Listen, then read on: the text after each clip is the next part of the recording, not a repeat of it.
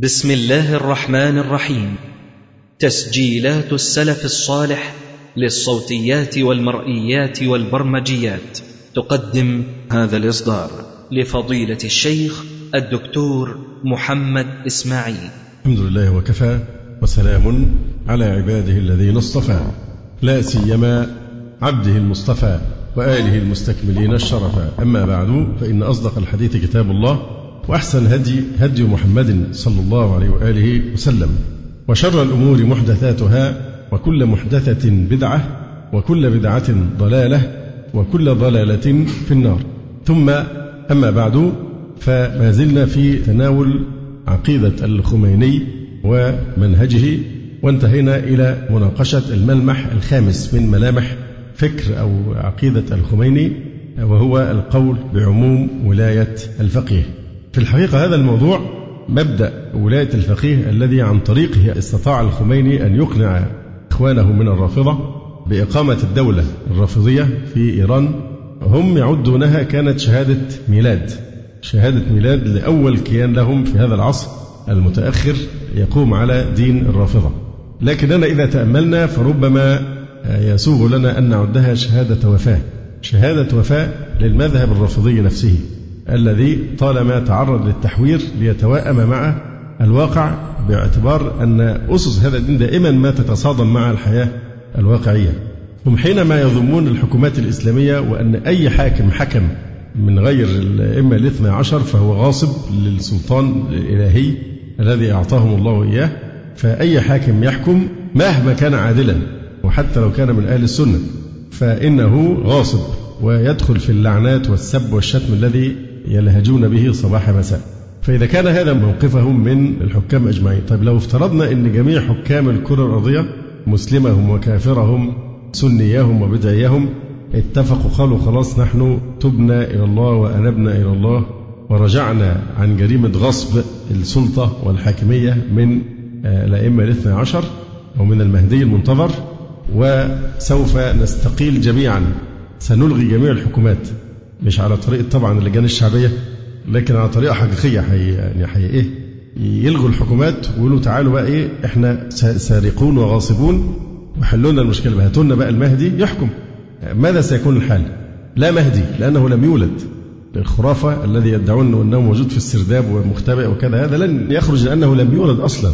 وبالتالي فالقول بعموم ولاية الفقيه هو نوع من التحوير والتطوير في هذا المذهب الذي يصطدم كثيرا مع العقل ومع النقل ومع الواقع. يقول المصنف حفظه الله تعالى تعتقد الاثنى عشرية وهذه قضية من أهم القضايا. هذه قضية قضية ولاية الفقيه. تعتبر قضية محورية في هذا الموضوع الذي ندرسه. لأنها خروج على أصول المذهب الشيعي. خروج على أركان المذهب الشيعي. وهي حصر الأئمة في عدد معين. فهم الآن أوجدوا أكثر من مهدي كحاكم حقيقي بحجة أنه نائب عن المهدي. هذا ليس من أصول الدين يعني هذا خروج عن أصول دين الرافضة واختراع لشيء في أخطر أصول دينهم فهي في الحقيقة نهاية مأساوية لعقيدة الرافضة. هي شهادة وفاة وليست شهادة ميلاد لهذه الدولة الرافضية الخبيثة. هي شهادة وفاة لأنها تعلن انهيار هذا المذهب في أهم ركن عنده وهو الإمامة. حينما أعطوا الإمامة بلا عدد. لهؤلاء الفقهاء الذين سموهم آه، نواب الإمام. يقول تعتقد الاثنى عشرية أن الولاية العامة على المسلمين منوطة بأشخاص معينين بأسمائهم وعددهم. قد اختارهم الله كما يختار أنبياءه. هذا ناقشناه بالتفصيل وأصبح حقيقة واضحة عندنا جميعا. وهؤلاء الأئمة أمرهم كأمر الله. وعصمتهم كعصمة رسل الله عليهم وعلى نبينا الصلاة والسلام. وفضلهم فوق فضل أنبياء الله. وهذا ناقشناه أيضا من قبل بالتفصيل. لكن آخر هؤلاء الأئمة حسب اعتقادهم غائب منذ سنة ستين ومائتين من الهجرة. يعني من 1170 سنة. من 1170 سنة هذا المهدي اختبأ داخل سرداب وهو في زعمهم وهو صبي صغير في بيت أبيه. طبعا هذا لم يره أحد. المهدي المخرافة هذا الذي دخل السرداب هو أصلا لم يخلق لا حس ولا خبر له. 1170 سنة وهو غائب ولذا فإن الاثنى عشرية تحرم أن يلي أحد منصبه في الخلافة حتى يخرج من مخبئه حتى تقول كل راية ترفع قبل أن يقوم القائم فصاحبها طاغوت وإن كان يدعو إلى الحق. كل راية ترفع قبل أن يقوم القائم يعني قبل أن يخرج المهدي من السرداب فصاحبها طاغوت وإن كان يدعو إلى الحق. لماذا؟ لأنه غاصب لسلطة الإمامة. وعلى هذا مضى شيعة القرون الماضية وقد استطاعوا أن يأخذوا مرسوما إماميا. موضوع الرقاع التي يدعون أنها في مراسلات بتحصل في مرحلة معينة حصلت مراسلات مع المهدي المنتظر وبيديهم حاجات فيها توقيعات بأوامر وأحكام وفتاوى إلى آخره. فهذا أيضا من ضلالهم المبين لأن التوقيعات أحيانا تكون متناقضة فكيف يكون تخرج من شخص واحد وهي يضرب بعضها بعضا؟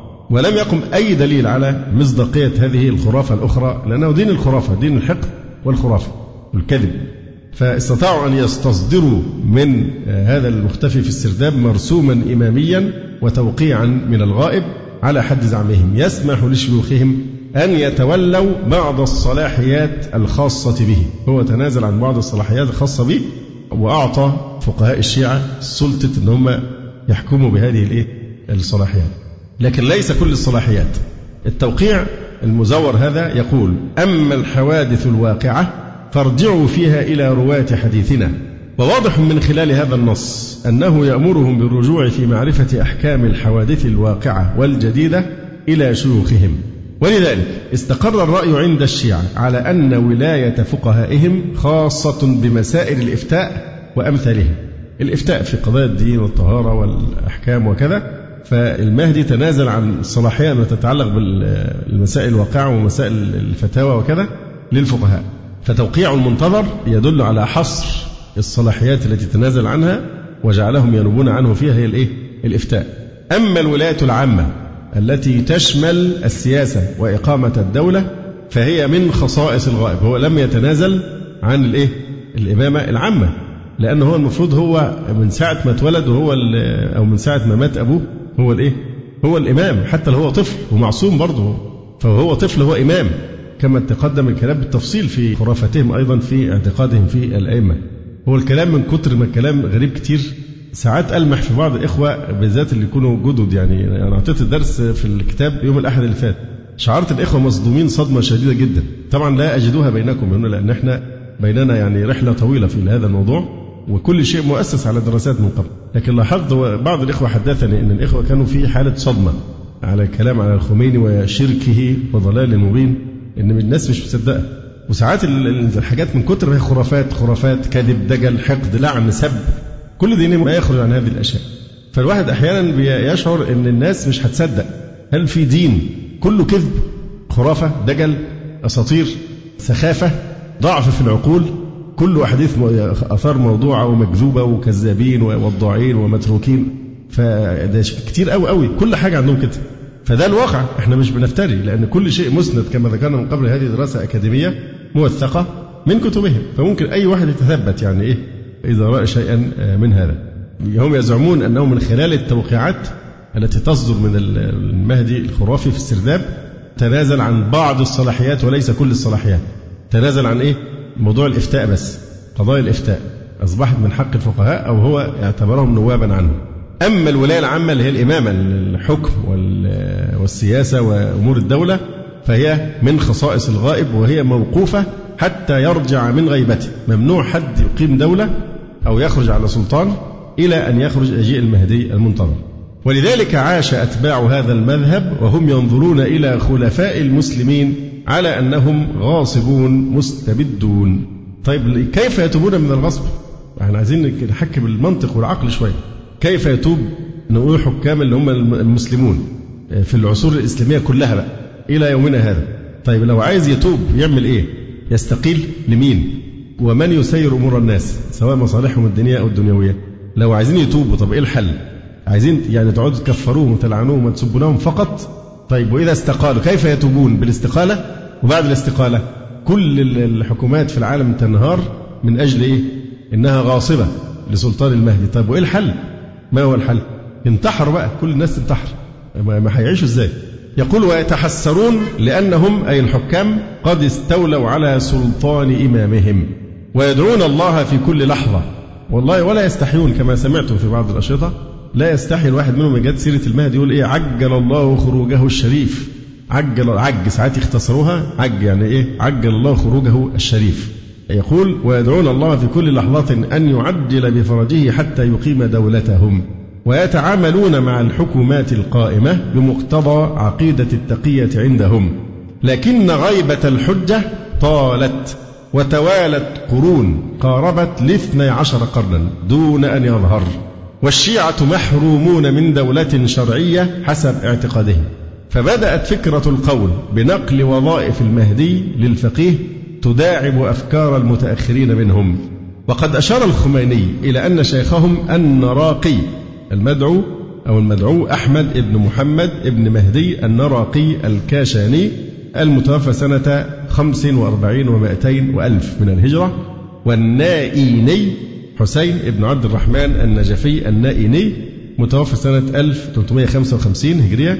قد ذهب ذهب إلى أن للفقيه جميع ما للإمام من الوظائف والأعمال في مجال الحكم والإدارة والسياسة. انتبهوا هنا كيفية الخروج على دي شهادة وفاء للدين. لأنه دين غير واقعي والحياة لا يمكن أن تستقيم بهذا ولا يصلح لكل زمان ومكان كما هو شأن الإسلام الذي أنزله الله حقا بدليل أنه أنه أهله بيغيروه بيضطروا يغيروه ويحرفوا في أساسياته وأركانه من أجل الخضوع للأمر الواقع. فدي شهادة وفاء لهذا الدين أنه دين لا يتسم بالصلاحية لكل زمان ومكان.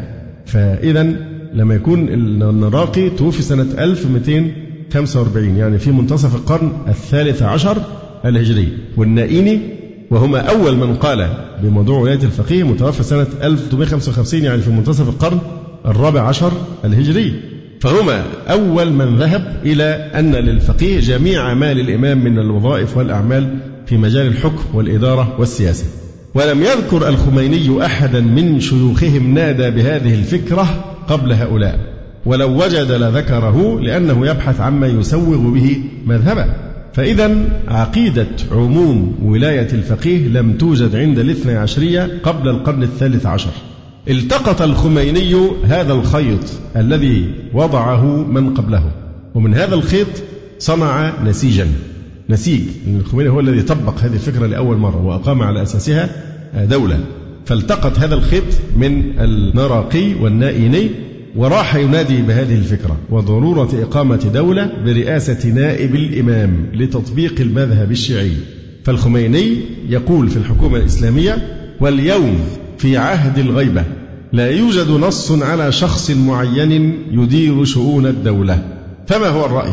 ما تخليك ملتزم بدينك المحرف. لا هو بيبدأ يناقشهم كلام منطقي وواقعي إنه لابد من حد يتولى أمور الناس. لكن في الحقيقة هو يعتبر كما ذكرنا هذه هي النهاية قيام دولة الرافضة في إيران نهاية مأساوية للعقيدة الشيعيه وبالذات في قضية الامامه. دي شهادة وفاة لهذا الدين وذلك بسبب نظرية ولاية الفقيه التي فيها تمرد وخروج على ركن دينهم الأصيل واساسه. لأن لا تعني إيه؟ الاستغناء عن المهدي. ما لما تقوم الدولة وهم بيمدحوا دولتهم إنها أعدل دولة على سطح الأرض وإن برلمانهم أعظم برلمان وإن دستورهم أحسن دستور إلى آخره إلى آخر صيغ أفعل تفضيل هذه كما قالوا من قبل أيام الدولة في بدايتها. وأن لا يوجد نظير له لا فيما يسمى الديمقراطية ولا في العدل وكذا وكذا. فإيه معنى أنها دولة وتقوم بوظائفها وقوية واقتصاد وكذا؟ طيب إيه معناها؟ والدولة قامت معناها تساوي الاستغناء عن المهدي المنتظر. لما أنتم أقمتم العدل وكل أموركم تمام إذا ما الحاجة إلى المهدي المنتظر؟ يبقى ليه بتقولوا عجل الله فرجه الشريف ليه يعجل فرجه؟ ما أنتم قمتم بوظائفه كلها خلاص انتهى. فإذا ألغيت فكرة المهدي المنتظر أو تم الاستغناء عنه فهذا يستلزم إيه؟ يستلزم انهيار الفكرة من أساسها كما ذكرنا. يقول الخميني واليوم يعني نقدر نعتبر كلام الخميني أي عاقل يتأمله يعتبر هذا الكلام يشبه عملية النقد الذاتي. هم الرافضة لا يجرؤون على النقد الذاتي لعقيدتهم إلا قليلا من الإصلاحيين طبعا لهم جهود مشكورة جدا في محاولة تنظيف وتطهير هذا المذهب من النجاسات التي فيه لكن الخميني ما يقدرش يقول أنا بطهر الدين من هذا الرجس لكنه في أثناء التبريرات التي يذكرها والمسوغات تشعر إنه هو هو عبارة عن نقد ذاتي لهذا الدين، الدين غير صالح للحياة. بيقول إيه بقى؟ بيقول واليوم في عهد الغيبة الغيبة اللي هي 1170 سنة يعني حوالي 12 قرن اختفى المهدي ومش موجود والحكومات كلها باطلة وهتظل باطلة. فبيقول واليوم في عهد الغيبة لا يوجد نص على شخص معين يدير شؤون الدولة. طيب ما ده العيب الأساسي في دينكم. هو في نص على شخص بس الشخص مش موجود من 12 قرن. يبقى إيه معناها؟ معناها ما لم يوجد نص فيترتب على ذلك إيه؟ مفيش نص على شخص معين. وأنتوا عندكم إن لازم النص على الإمام. وإن لولا وجود إمام لساخت الأرض. فانت ليه بتقول مفيش نص وانتوا عندكم نص وعندكم الإمام كمان صنعتوه؟ لأن الإمام موجود في السرداب. هو جاهز في السرداب وموجود بغض النظر مش عايز يخرج ليه؟ لكن أنتوا بتعتقدوا إنه موجود يبقى ليه بتقول ليه بتبدأ الكلام بإن مفيش نص؟ مش الإمامة دي ركن الدين الأعظم ولا بد أن يكون منصوصا عليه من من من الله سبحانه وتعالى وإنه إمام معصوم وكذا وكذا وموجود يبقى أنت ليه زعلان؟ لماذا تشتكي من إن مفيش نص؟ لأن ده دينك وأنت بتخرج عليه دلوقتي. يقول واليوم في عهد الغيبة. طبعا دي الغيبة الكبرى. وهي ليست لا يصح لا تسميتها بالغيبة الكبرى ولا بالغيبة الصغرى لأنها غيبة أبدية. هذه غيبة للأبد، غيبة شخص لم يخلق. انتبهوا لهذا بقى. شوف بيقول واليوم في عهد الغيبة. لا يوجد نص على شخص معين يدير شؤون الدولة. إزاي؟ ما فيش نص. ده أنتوا عندكم النص على الإمام وده ركن الدين الأعظم والمهدي موجود في السرداب وعايش وساعات بتحصل اتصالات. في العهد الغيبة الصغرى حصلت اتصالات وخرجت الرقاع وكذا وفي العهد الغيبة الكبرى يوجد من يدعي إنه يقابله والآخرون يقولون لا لا يمكن حد يقابله قبل الخروج الشريف. وجبت سمعت بصوت واحد من علمائهم الرافضة بيقول إن هو قابل الإيه؟ المهدي على الكورنيش في الكويت. وحصل خلاف بينهم يعني واحد رد عليه قال له لا ده لا يمكن يحصل إن المهدي لا يمكن أن يرى قبل الخروج الشريف يعني. بيقول إيه بقى هو؟ فما هو الرأي؟ ما فيش نص على مين اللي يتولى إدارة شؤون الدولة. ما هو الرأي؟ هل تترك أحكام الإسلام معطلة؟ الجواب نعم. أنتم تقولون بذلك واعتقدتم أنها تظل معطلة أكثر من 1170 سنة. هو بيقول بقى نعمل إيه؟ فهي دي كلها عبارة عن شهادات إدانة لهذا المذهب الغير واقعي. فبيقول إيه الحل؟ إيه الخيارات اللي قدامنا؟ بيعمل سبر وتقسيم هو. هل تترك أحكام الإسلام معطلة؟ هذا ما يقوله أهل ملتكم الذين خرجت أنتم عنهم. طيب والجهاد نفسه بيعتبر إن كل الجهاد في سبيل الله الذي خاض في الصحابة رضي الله تعالى عنهم إلى إلى اليوم كل ده جهاد باطل. وإن الذين يقتلون في هذا الجهاد من الشهداء هؤلاء إيه؟ الكلمة اللي قالوها في حقهم. استعجلوا الدخول إلى جهنم. قلنا هذه العبارة من قبل نقلناها عنهم دول استعجلوا الدخول إلى جهنم.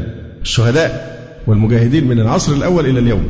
لماذا؟ لأن ما ينفعش ترفع راية للجهاد حتى لو كانت راية عادلة وفي سبيل الله إذا لم يكن الإمام المهدي هو الذي يقود هذه الجيوش. غير كده يبقى الجهاد ده باطل. يعني لا أنتم نفعتوا الإسلام بشيء أنتم ضررتموه أشد الإضرار ولا حتى الجهاد تذكرونه بخير.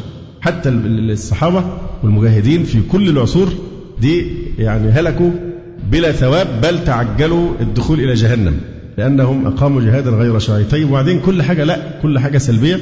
فماذا كان الأمر لو لضاع الدين الحقيقة لولا أن الله الذي تكفل بحفظه. يقول الخميني فما هو الرأي؟ هل تترك أحكام الإسلام معطلة؟ أم نرغب بأنفسنا عن الإسلام؟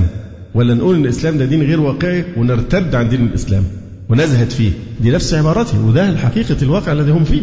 وده سبب شيوع التيارات الشيوعية فيما مضى والتيارات الإلحادية داخل شباب الشيعة.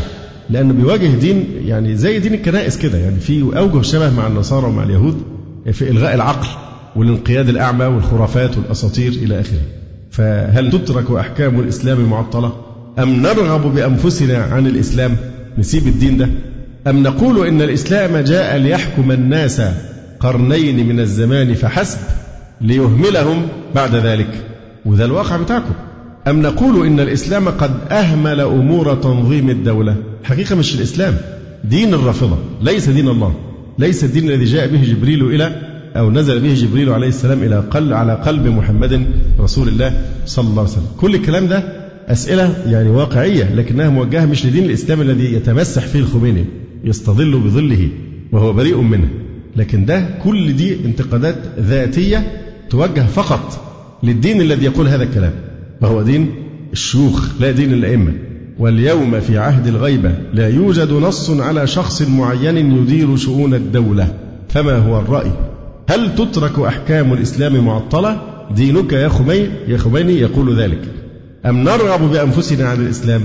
أم نقول إن الإسلام جاء ليحكم الناس قرنين من الزمان فحسب ليهملهم بعد ذلك. أو نقول إن الإسلام قد أهمل أمور تنظيم الدولة. ونحن نعلم أن عدم وجود الحكومة يعني ضياع ثغور الإسلام وانتهاكها. تذكرون كلمة الشيخ الإسلام ابن تيمية رحمه الله تعالى لما كان يقول ليلة واحدة يعيشها الناس بدون حاكم ولو كان حاكما ظالما. ليلة بدون حاكم يحصل فيها من فساد ما لا يحصل من سنوات طويلة على يد حاكم ظالم. ويمكن أقرب مثل شفناه لما انهارت بغداد تحت أيدي الرافضة والسيادية من الأمريكان وإيه اللي حصل في البلد؟ تحول الناس إلى عصابات سطو على البنوك وعلى الأموال ورأينا هذه الأشياء أيام غزو أيام انهيار بغداد في بداية الاحتلال الأمريكي وكانت تجسد لنا هذا المعنى وقلنا ساعتها إزاي يعني يا زمانا بكيت منه فلما صرت في غيبه صرت أبكي عليه كنا نترحم على أيام صدام لماذا؟ لأنه حاكم ظالم أهون كان من إيه؟ من ليلة واحدة من غير حاكم فحتى الحاكم الظالم لما كان وجود انضباط في الناس أهون من أن يعيث الناس انتهاكا للأعراض ونهبا للأموال واعتداء على الحرمات كما يحصل. يقول هنا نحن نعلم أن عدم وجود الحكومة يعني ضياع ثغور الإسلام وانتهاكها. ما أنتم ده اللي عملتوه. ويعني تخاذلنا عن أرضنا. هل يسمح بذلك في ديننا؟ نعم دين الرافضة يسمح بذلك وينهى عن أي نوع من الإيجابية في مواجهه هذه الأشياء. لكنك يا خميني تمهد الآن للتمرد على هذا الدين لأنه دين غير صالح للبقاء يقول أليست الحكومة ضرورة من ضرورات الحياة اكتشفتها الآن يا خميني أنت الذي اكتشفتها؟ كل الساسة والفلاسفة والمفكرين في كل العصور يعرفون أهمية وجود الحكومات آه، لحفظ النظام وكذا وكذا. أنت بتكتشف حاجة جديدة؟ بس كان فين الكلام ده؟ من 13 قرن لما أنتم تعتقدون بعدم شرعية أي حكومة مهما كانت حتى حكومة الخلفاء الراشدين رضي الله تعالى عنهم. واضح الكلام؟ يقول في موضع آخر خميني لقد مر على الغيبة الكبرى لإمامنا المهدي أكثر من ألف عام. شوف بقى الكلام. وقد تمر ألوف السنين قبل أن تقتضي المصلحة. شوف مرتب الكلام إزاي ترتيب محكم. مش بيقول قد تمر ألوف السنين قبل أن يقدم أو يخرج الإمام لا لازم يدي يسوغ الكلام فبيقول إيه؟ وقد تمر ألوف السنين قبل أن تقتضي المصلحة قدوم الإمام المنتظر في طول هذه المدة المدينة. يعني لا القرآن الناس بتهتدي به لأن القرآن الحقيقي مختبئ في السرداب مع المهدي. ولا الإمام بتاعك عايز يخرج عشان يحكم بالشريعة ويهدينا إلى هذا القرآن. ولا هو هيخرج أصلا. معناها أن مقتضى لدينهم أن من بداية الإسلام إلى اليوم إلى قيام الساعة لا فائدة لن يستفيد الناس من هداية القرآن الكريم ولا من تطبيق الشريعة الإسلامية ولا من أي شيء. كل شيء معطل. فهو في الحقيقة بيمهد هنا لأنه يعلن رفضه لهذا الدين. وبالذات في قضية الإمامة لأنها غير واقعية ومنافية للعقل ويعني للشرع معا. قد مر على الغيبة الكبرى لإمامنا المهدي أكثر من ألف عام وقد تمر ألوف السنين قبل أن تقتضي المصلحة قدوم الإمام المنتظر في طول هذه المدة المديدة. هل تبقى أحكام الإسلام معطلة؟ يعمل الناس من خلالها ما يشاءون. ألا يلزم من ذلك الهرج والمرج؟ القوانين التي صدع بها نبي الإسلام صلى الله عليه وسلم وجاهد في نشرها وبيانها وتنفيذها ثلاثة وعشرين عاما. هل كان كل ذلك لمدة محدودة؟ هل حدد الله عمر الشريعة بمئتي عام مثلا؟ الذهاب إلى هذا الرأي أسوأ في نظري من الاعتقاد بأن الإسلام منسوخ. يعني إن هذا المذهب أسوأ في نظر من الواحد يقول إن دين الإسلام نسخ وما عاد يطبق. طيب هذا هو لازم مذهبكم وهذا لازم دينكم. لكنه الآن يخرج عن دينه كما يعني ذكرنا. ثم يقول الخميني اذا فإن كل من يتظاهر بالرأي القائل بعدم ضرورة تشكيل الحكومة الإسلامية فهو ينكر ضرورة تنفيذ أحكام الإسلام ويدعو إلى تعطيلها وتجميدها وهو ينكر بالتالي شمول وخلود الدين الإسلامي الحنيف. 13 قرن وقومك الرافضة يقولون بما يلزم منه أن الدين الإسلامي غير خالد ولا ينتفع الناس به. حتى جاء هو وتمرد وتشبه بالدين الإسلامي الحقيقي. حينما ذهب إلى هذا المذهب تحت مطارق الإيه؟ الأمر الواقع كما ترون من خلال كلامه. فخميني يرى لهذه المبررات التي ذكرها ضرورة خروج الفقيه الشيعي وأتباعه للاستيلاء على الحكم في بلاد الإسلام نيابة عن المهدي. وهو يخرج بهذا. انتبهوا هذا كلام في غاية الدقة ودي قضية من أخطر القضايا. لأن الخميني في هذا يعتبر مبتدعا في أساس دين الرافضة ومتنازلا عن أساس دين الرافضة طيب لماذا استجابوا له أو استجاب له معظمهم؟ لأنهم أيضا يئنون من ضغط الأمر الواقع. دين لا يصلح للبقاء فلا بد أن يخترعوا له ما يبقيه كما اخترعوا من قبل فكرة المهدي المنتظر وغيرها. يقول وهو يخرج بهذا عن مقررات دينهم ويخالف وصايا أئمته الكثيرة في ضرورة انتظار الغائب وعدم التعجيل بالخروج. حتى قال أحد آياتهم ومراجعهم في هذا العصر وهو محمد الحسيني البغدادي النجفي الملقب بالآية العظمى والمرجع الديني الأعلى. في كتابه وجوب النهضة لحفظ البيضة. يقول وقد توافرت عنهم عليهم السلام حرمة الخروج على أعدائهم وسلاطين عصرهم. توافرت عنهم أو تواترت يمكن يعني لأن التوافر دي تعبير غريب يحتاج أن نتثبت يعني. لكن هو وقد توافرت عنهم حرمة الخروج على أعدائهم وسلاطين عصرهم. ذلك أن منصب الإمامة لا يصلح عندهم إلا للمنصوص عليه من عند الله ولا يعني رضاهم بهذه الحكومات. وهذه المبررات التي ساقها الخميني لبيان ضرورة إقامة الدولة الشيعية ونيابة الفقيه عن المهدي في رئاستها كان ينبغي. وده كلمة برضه رائعة الحقيقة من الدكتور قفاري بيقول إن الكلام اللي قاله الخميني ده كله اللي هو المسوغات ليه هو قام بالثورة بتاعته؟ ليه بينادي بفكرة الحكومة الإسلامية وولاية الفقيه؟ ليه؟ مع إن دي خروج عن أصل دينه.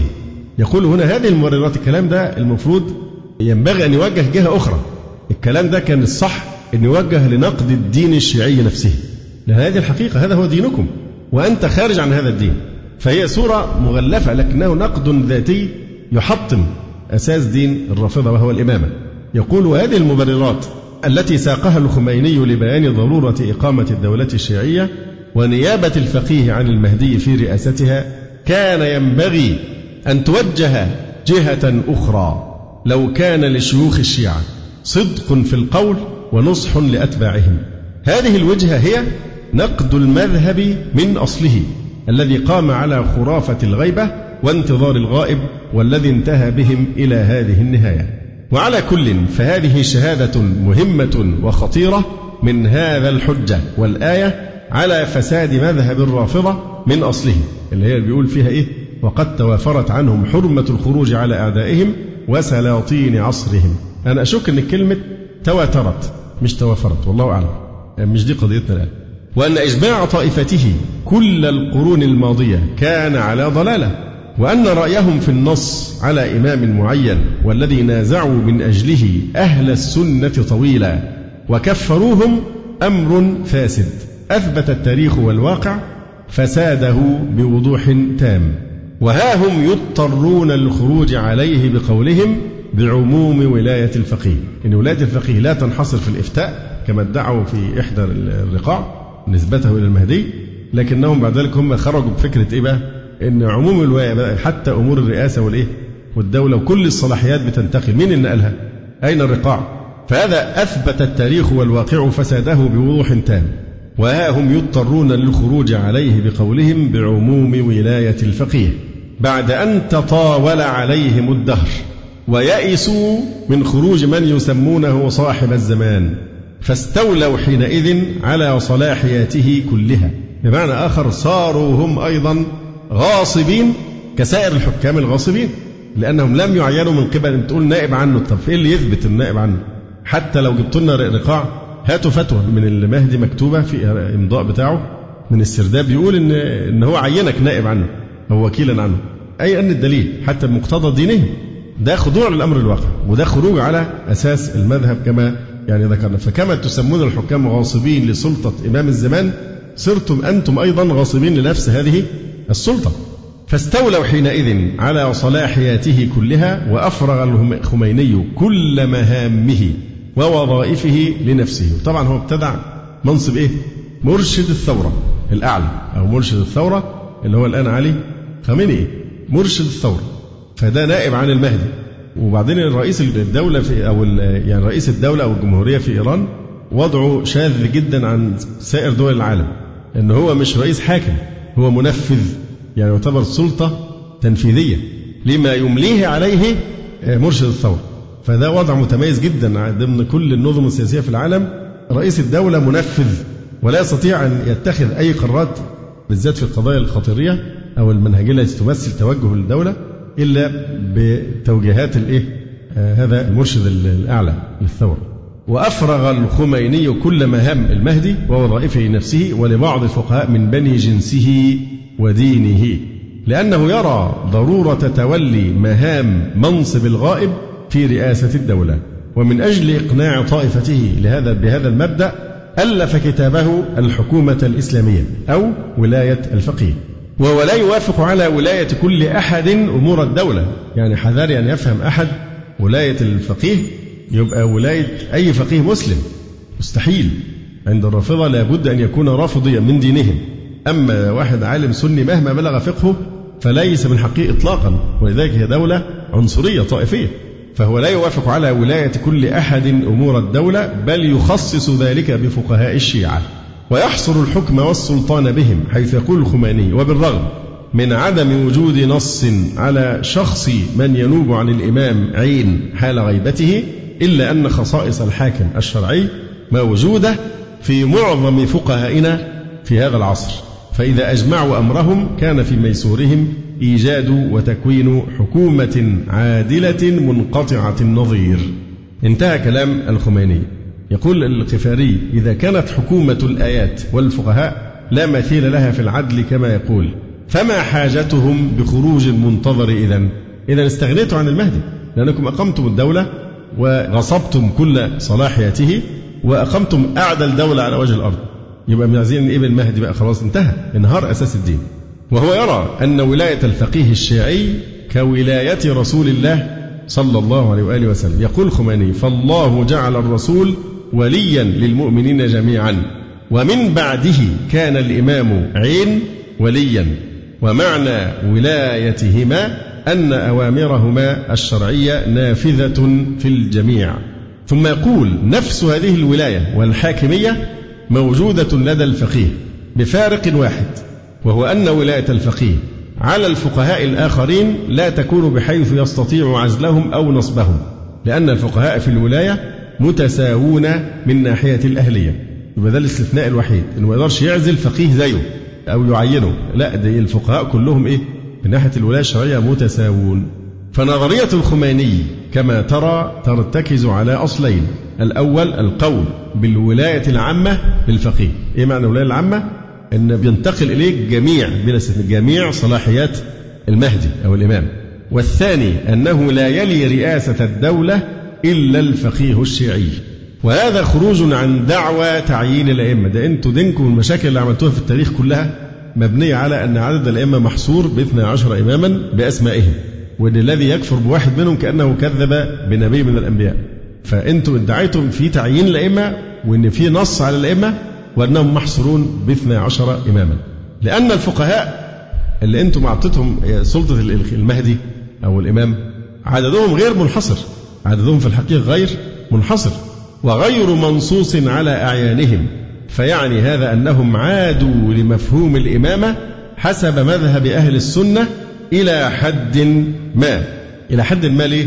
بيقول لأنهم خرجوا من حصر الإمامة بالشخص إلى حصرها بالنوع وهو الفقيه الشيعي فهم يعتبر هنا كأنهم رجعوا لإيه؟ أو يشبه أنهم رجعوا إلى مذهب أهل السنة في هذه القضية تحت ضغط الأمر الواقع وأقروا بضلال أسلافهم وفساد مذهبهم بمقتضى هذا القول ولكنهم يعدون هذا المبدأ مبدأ ولاية الفقيه نيابة عن المهدي حتى يرجع. يعني برضو عنزة ولو طارت. مش عايزين يعترفوا إن الدين انهار بتاعهم وإن دي خرافة بتاع موضوع المهدي. لكن لا ده إحنا بنعمل بس ده نائب لحد ما إيه؟ ما يخرج من السرداب. فهم لم يتخلوا عن أصل مذهبهم ولهذا أصبح هذا الاتجاه لا يختلف عن مذهب البابية لأنه يزعم أن الفقيه الشيعي هو الذي يمثل المهدي. كما أن الباب يزعم ذلك. ولعل الفارق أن الخميني يعد كل فقهائهم أبوابا. وإن شئت قل إن الخميني أخرج المهدي المنتظر عند الروافض. هو طلع لهم المهدي لأن صلاحيته ووظائفه أناطها بالفقيه. بل إنه بهذا المبدأ لم يخرج مهديا واحدا بل أخرج العشرات لأن كثيرا من شيوخهم وآياتهم لهم الأحقية بهذا المنصب. فالخميني يقول إن معظم فقهائنا فقهاء الشيعة في هذا العصر تتوفر فيهم الخصائص التي تؤهلهم للنيابة عن الإمام المعصوم. بمقتضى هذه النيابة يكون أمر هؤلاء الفقهاء كأمر الرسول صلى الله عليه وسلم. يقول الخميني هم الحجة على الناس. الفقيه الشيعي أو الفقهاء الشيعة هم الحجة على الناس. كما كان الرسول صلى الله عليه وسلم حجة الله عليهم. وكل من يتخلف عن طاعتهم فإن الله يؤاخذه ويحاسبه على ذلك. انتهى كلامه يقول أيضا الخميني وعلى كل فقد فوض إليهم الأنبياء جميع ما فوض إليهم وائتمنوهم على ما اؤتمنوا عليه. يبقى الأنبياء ائتمنوا الفقهاء الشيعة على ما كانوا هم أنفسهم قد ائتمنوا عليه. بل أشار الخميني إلى أن دولة الفقيه الشيعي كدولة مهديهم الموعودة. وقال الخميني كل ما يفقدنا هو عصا موسى وسيف علي بن أبي طالب. طبعا التعبير هنا ركيك كل ما يفقدنا يعني هو كل ما يعوزنا أو كل ما نفقده. الفرق الوحيد إن إحنا معناش العصا عصا موسى وسيف علي بن أبي طالب. لأن طبعا هذه الأشياء بيعتبرونها هي مواريث المهدي عن الأنبياء والأئمة. فالمهدي معاه إيه؟ عصا موسى ومعاه سيف علي بن أبي طالب هيخرج بهم. فيقول ده اللي ناقصنا. إحنا أقمنا الدولة كله تمام وزي دولة المهدي بالضبط ده اللي ناقصنا حاجتين. آه، كل ما يعني نفقده هو عصا موسى وسيف علي بن أبي طالب عين وعزيمتهما الجبارة وإذا عزمنا على إقامة حكم إسلامي سنحصل على عصا موسى وسيف علي بن أبي طالب. وطبعا ده كان قبل قيام الدولة. بمعنى أنه إذا قامت الدولة وتحقق هذا الحلم فإذا قد حازوا عصا موسى وسيف علي بن أبي طالب وأقاموا الدولة وهي دولة مماثلة تماما لدولة المهدي.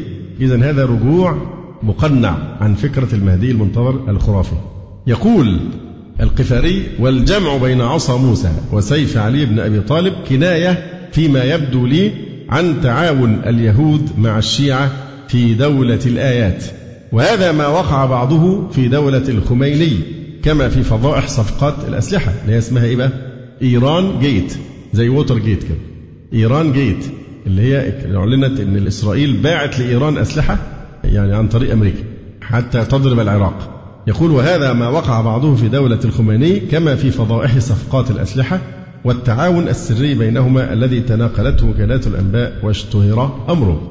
والخميني يقرر أن تشكيل الحكومة الشيعية لم يقع من شيعته الماضين حيث يقول في السابق لم نعمل ولم ننهض سوية لتشكيل حكومة تحطم الخائنين المفسدين.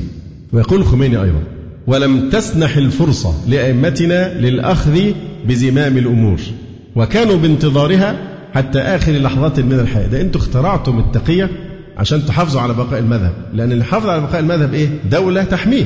فبما أن قيام دولة والخروج على السلطان عندهم محرم ولا يجوز فإيه الحل؟ يعني الدولة ما يجوزش أنها تقوم فالحل عشان يحافظوا على كيانهم وهم مضطهدون مستضعفين أن يكونوا يستتروا وراء الإيه؟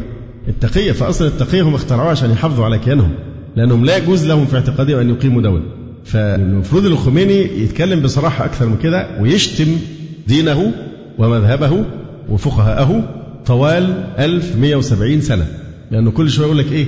من 200 سنة يعني كده يبقى الإسلام عطل وما يعملش حدش من ليه 200 سنة؟ إن هي 260 دي سنة متعلقة باختفاء المهدي الخرافة طبعا. فهو بيقول ولم تسنح الفرصة لأئمتنا للأخذ من زمام الأمور. طيب ليه ما خرجوش؟ ليه ما عملوش خروج؟ وكانوا هيلاقوا ناس كتير تنصرهم. فلماذا لم يخرجوا؟ فهم يعتقدون إن الخروج ده كان محرما. بس الخميني بيتلاعب بالكلام بيقول وكانوا بانتظارها حتى آخر لحظة من الحياة. هي في الحقيقة مش بانتظارها كانوا بإيه؟ بانتظاره بانتظاره. بانتظار مين؟ خروج المهدي. في الأول كان الموضوع محتمل لأن إيه؟ بيمنوا نفسهم. هيجي كمان شهرين هيجي كمان سنة سنتين آه لما يبلغ مثلا فعدت سنة وسنتين وعشرات السنين والقرون 13 قرن. فاضطروا لادعاء إن في غيبه صغرى وفي اتصالات مع المهدي يجيب لنا الفتاوى. الراجل مش نسينا يعني. وبعد كده عملوا النظرية زي بتاعت الملكه ملكة إنجلترا. يملك ولا يحكم. بالضبط فيش منه فايدة. يملك ولا يحكم. حصلت الغيبة الكبرى عشان الموضوع طول والناس بتشتكي. جاي كمان الخميني يقول لهم ممكن نقعد كمان آلاف السنين. سنين مديدة. والمصلحة لا تقتضي خروج المهدي. طب تصلح تقتضي إيه المصلحة؟ والناس في حاجة إلى الهداية التي معه والقرآن الذي معه وإلى تطبيق الشريعة الإسلامية. يقول آه، الخميني في السابق لم نعمل ولم ننهض سوية لتشكيل حكومة تحطم الخائنين المفسدين. لا مش لم تعملوا لأنكم ما توحدتوش سوية. لم تعملوا لأن دينكم يحرم عليكم الخروج ويوجب عليكم التقية في فترة الغيبة. فده تلاعب بالكلام. ثم يقول ولم تسنح الفرصة لأئمتنا للأخذ بزمام الأمور. وكانوا بانتظارها حتى آخر لحظة من الحياة. فعلى الفقهاء العدول أن يتحينوا هم الفرص وينتهزوها من أجل تنظيم وتشكيل حكومة. انتهى كلام الخميني. وقد قامت حكومات شيعية لكنها ليست محكومة من قبل الآيات ونواب المعصوم. ولذا عدوا حكومتهم أول دولة إسلامية. يعني طبعا دولة شيعية. وده تصريح معروف جدا انهم بيعتبروا إن دي أول دولة إسلامية والدولة الإسلامية الوحيدة في العالم. وهي طبعا دولة شيعية. جمهورية إيران الإسلامية دي مغالطه في غاية الخطورة. جمهورية إيران غير الإسلامية دي مش شتيمة بعض الناس تلقيت يعني استشكال من بعض الإخوة إزاي أقول عليها جمهورية إيران غير الإسلامية. ماذا فيها من الإسلام؟ إيه فيها من الإسلام؟ في ضوء ما درسناه. يقول وقد قامت حكومات شيعية لكنها ليست محكومة من قبل. الآيات ونواب المعصوم. هو هنا يشير لحكومات الشيعية في فترات آه في الدولة الصفوية مثلا في, في غيرها من بعض الفترات حصلت آه قيام للكيان الإيه؟ الشيعي. لكن مين اللي كان بيحكم بقى؟ هل كان الفقيه؟ لا. زي ما درسنا قبل كده إحنا تاريخ الدولة الصفوية. فيقول قد قامت حكومات شيعية من قبل. ولكنها ليست محكومة من قبل الآيات. يبقى الفرق بين الدولة الصفوية وبين دولة الخميني نظرية ولاية الفقيه إن دي بيحكمها الفقيه الشيعي ويحكمها الفقيه نيابة عن المعصوم. ولذا عدوا حكومتهم أول دولة إسلامية يعني طبعا دولة شيعية مع إن كان في قبل كده الإيه؟ الصفويين. وبعض الدولات قامت دولات الدولة الفاطمية وكذا وكذا لكن ما كانش بيحكمها الآيات. قال بعض الروافض وهو أحمد الفهري في تقديمه لكتاب سر الصلاة للخميني. يقول إن الخميني أسس الجمهورية الإسلامية العظمى في إيران. كل عظمى. أسس الجمهورية الإسلامية العظمى في إيران لأول مرة في تاريخ الإسلام. وحقق الخميني حقق حلم الأنبياء والرسول الأعظم صلى الله عليه وسلم والأئمة المعصومين عليهم السلام. ويرى آيتهم الطالقاني أن حكومة الرسول صلى الله عليه وسلم وخلفائه رضي الله عنه لا تصل إلى مقام دولتهم وأنها تمهيد لقيامها فترة النبوة وفترة الخلافة الراشدة باستثناء طبعا علي بن أبي طالب دي كلها كانت تمهيد بس لكنها لا تصل إلى إيه؟ مستوى دولتهم. يقول هذا الطالقاني إننا نعتقد أن الجمهورية الإسلامية هي المؤهلة للحياة في هذا الزمان ولم تكن مؤهلة للحياة في فجر الإسلام. طبعا هي إشارة إلى أنهم يدعون أن الرسول صلى الله عليه وسلم كان مبتلا والعياذ بالله بالمنافقين من حوله والزنادقة يقصدون بهم المهاجرين والأنصار وأنه الرسول كان يعني ضحية الإيه؟ تآمر من حوله. حتى انتهوا إلى الزعم بأن عائشة وحفصة عملوا مؤامرة وهم اللي إيه؟ قتلوا الرسول عليه الصلاة والسلام. إن عائشة وحفصة سموا الرسول صلى الله عليه وسلم وقتلوه. كلام مجانين يعني. يقول إن التحولات الاجتماعية والسياسية التي شهدها شهدها العالم منذ الرسول صلى الله عليه وسلم والخلفاء الراشدين وحتى اليوم هي التي توفر الأساس الموضوعي لقيام الجمهورية الإسلامية. هذا نشر في جريدة السفير اللبنانية بتاريخ 31 3 سنة 79 وقد نقل ذلك محمد جواد مغنية واعتبره فهما جديدا للجمهورية الإسلامية لا يقوله إلا من عاش الإسلام بقلبه وعقله. فأنت ترى أن طبيعة النظرة الشيعية دائما تجنح إلى الغلو وتقديس الأشخاص والتطرف في الاعتقادات. كما ترى في نظرة طالقاني إلى جمهورية خميني بل ادعى بعضهم أن خميني قد بشر به أئمتهم من قبل. جت على الخميني ما كل حاجة بتسمعوا لها روايات.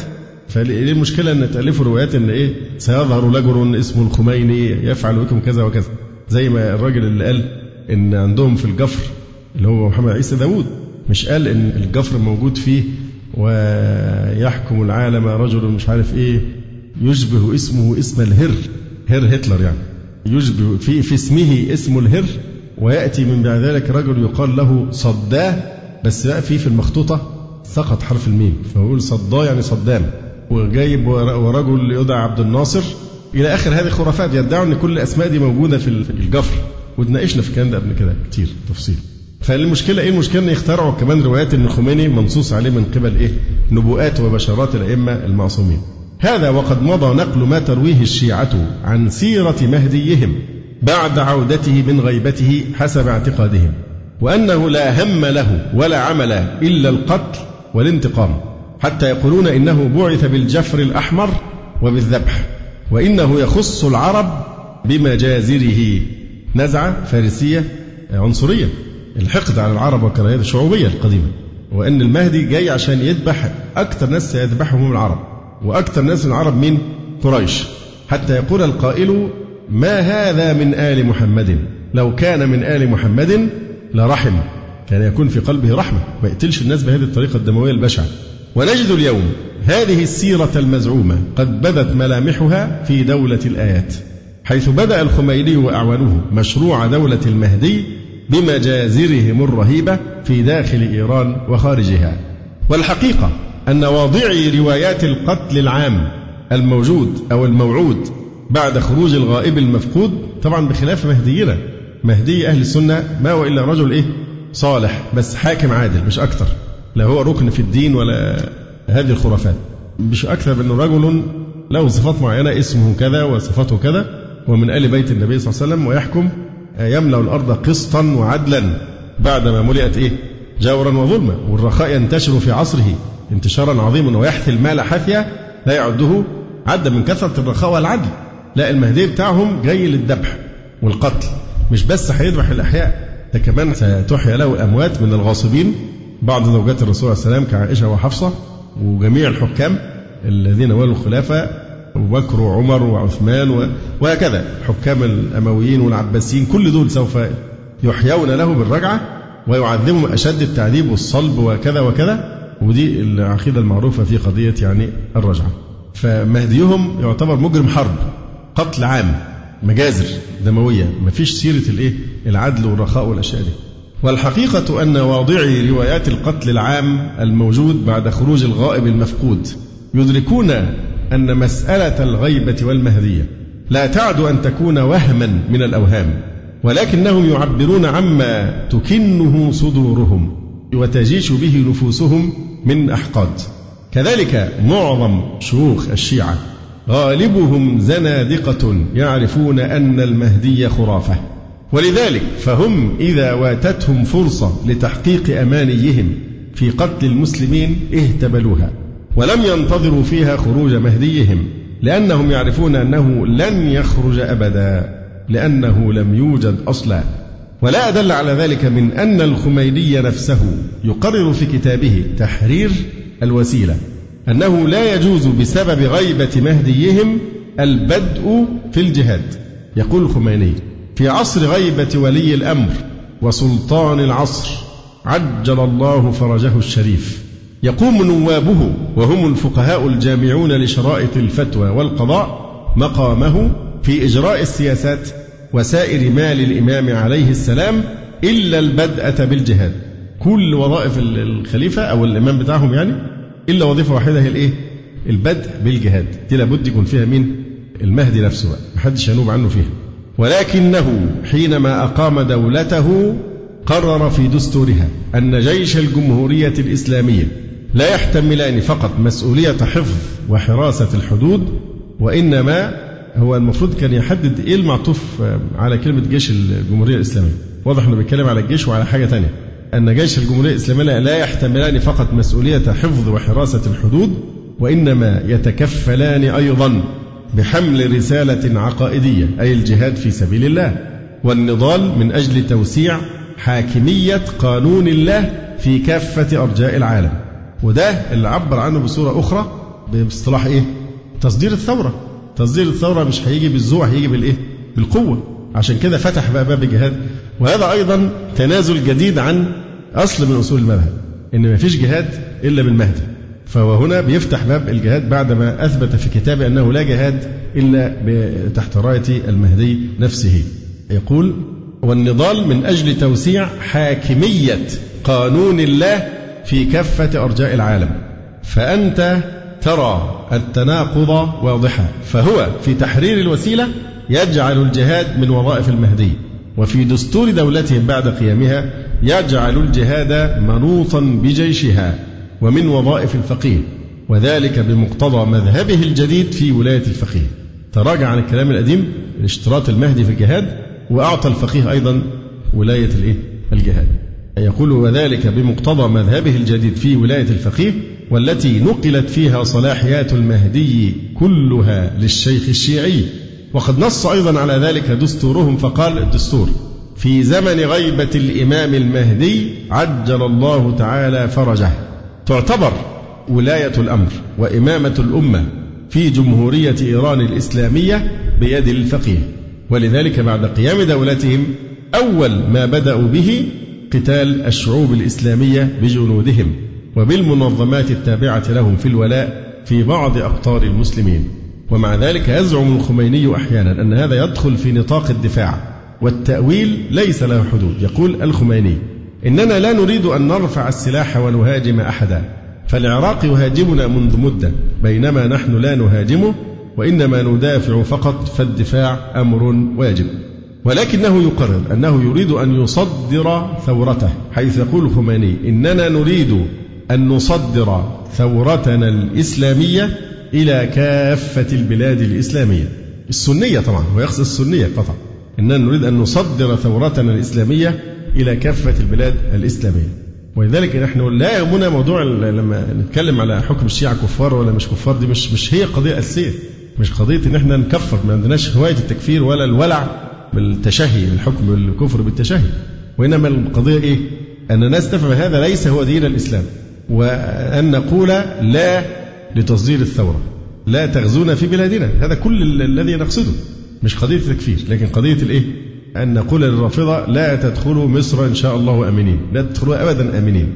ولا تغزونا في شبابنا وفي مساجدنا وتحت شعار المواطنة.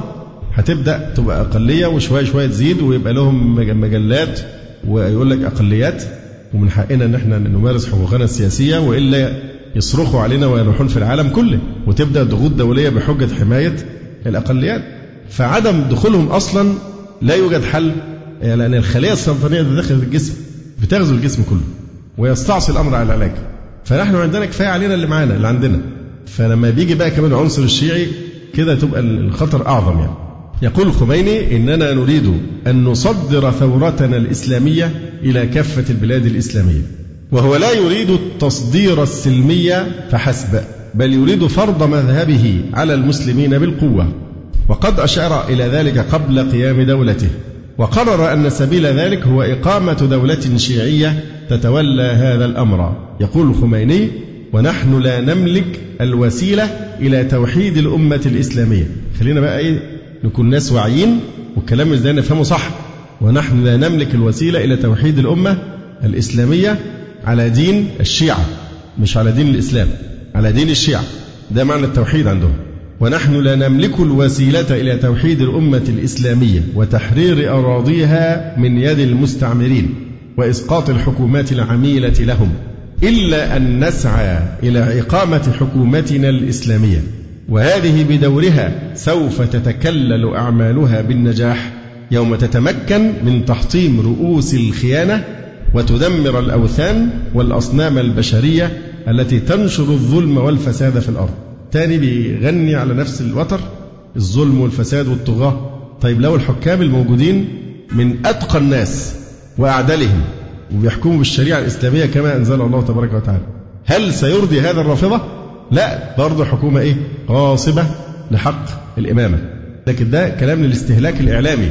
الضغاة والظالمون والغاصبون.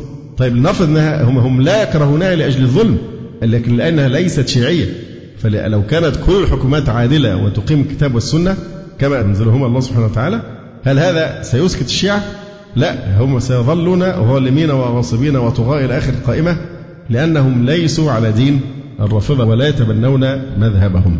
فالعبارة هنا واضحة جدا بيقول لا نملك الوسيلة إلى توحيد الأمة الإسلامية وتحرير أراضيها من يد المستعمرين. طبعا الكلام ده بيقوله هو لسه بينظر للثورة ما كانش تمكن وأقام الدولة. ففعلا بيصدق عليه هذا الكلام نحن لا نملك الوسيلة إلى توحيد الأمة الإسلامية وتحرير أراضيها من يد المستعمرين. طيب عايزين نحرر طنب الصغرى وطنب الكبرى اللي سرقتوها من الإمارات ولسه ناويين يسرقوا البحرين. سرقة. فالاستعمار بيجي منكم أنتوا كمان مش بس من اليهود والأمريكان. والاستعمار الأمريكي مين اللي رحب بيه في, في, في العراق؟ السيستاني أصدر فتوى بعدم جواز التعرض للأمريكان أو مقاومتهم ساعه غزو العراق. فيعني أنتوا أيضا من المستعمرين. فبدا كله كلام استهلاك إعلامي وتحرير أراضيها من يد المستعمرين وإسقاط الحكومة العميلة لهم إلا أن نسعى يبقى الحل الوحيد إيه؟ أن نسعى إلى إقامة حكومتنا الإسلامية فلما تقوم حكومة ولها قوة وجيش هذه بدورها لأنها دولة سوف تتكلل أعمالها بالنجاح يوم تتمكن من تحطيم رؤوس الخيانة وتدمر الأوثان والأصنام البشرية التي تنشر الظلم والفساد في الأرض. انتهى كلام الخميني من الحكومة الإسلامية.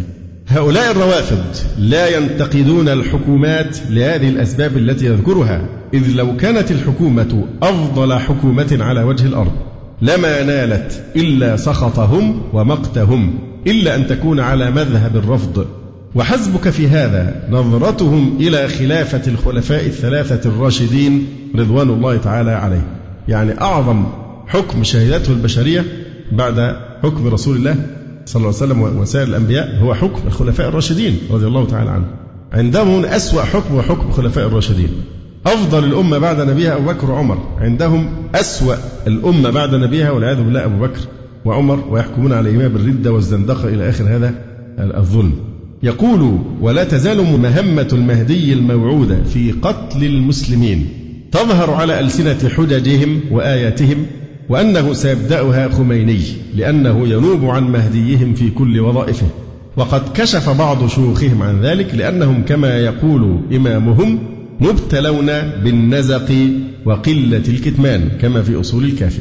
ففي احتمال رسمي وجماهيري أقيم في عبادان في 17 آه، مارس سنة 79 تأييدا لإقامة الجمهورية الإسلامية. ألقى دكتور محمد مهدي صادقي خطبة في هذا الاحتفال. سجلت باللغتين العربية والفارسية. ووصفتها الإذاعة بأنها مهمة ومما جاء في هذه الخطبة أصرح يا إخواني المسلمين في مشارق الأرض ومغاربها أن مكة المكرمة حرم الله الآمن يحتلها شرذمة أشد من اليهود وذكر قبل ذلك بأنه حين تثبت ثورته لما الثورة تقف على رجلها سينتقلون إلى القدس وإلى مكة المكرمة وإلى أفغانستان وإلى مختلف البلاد.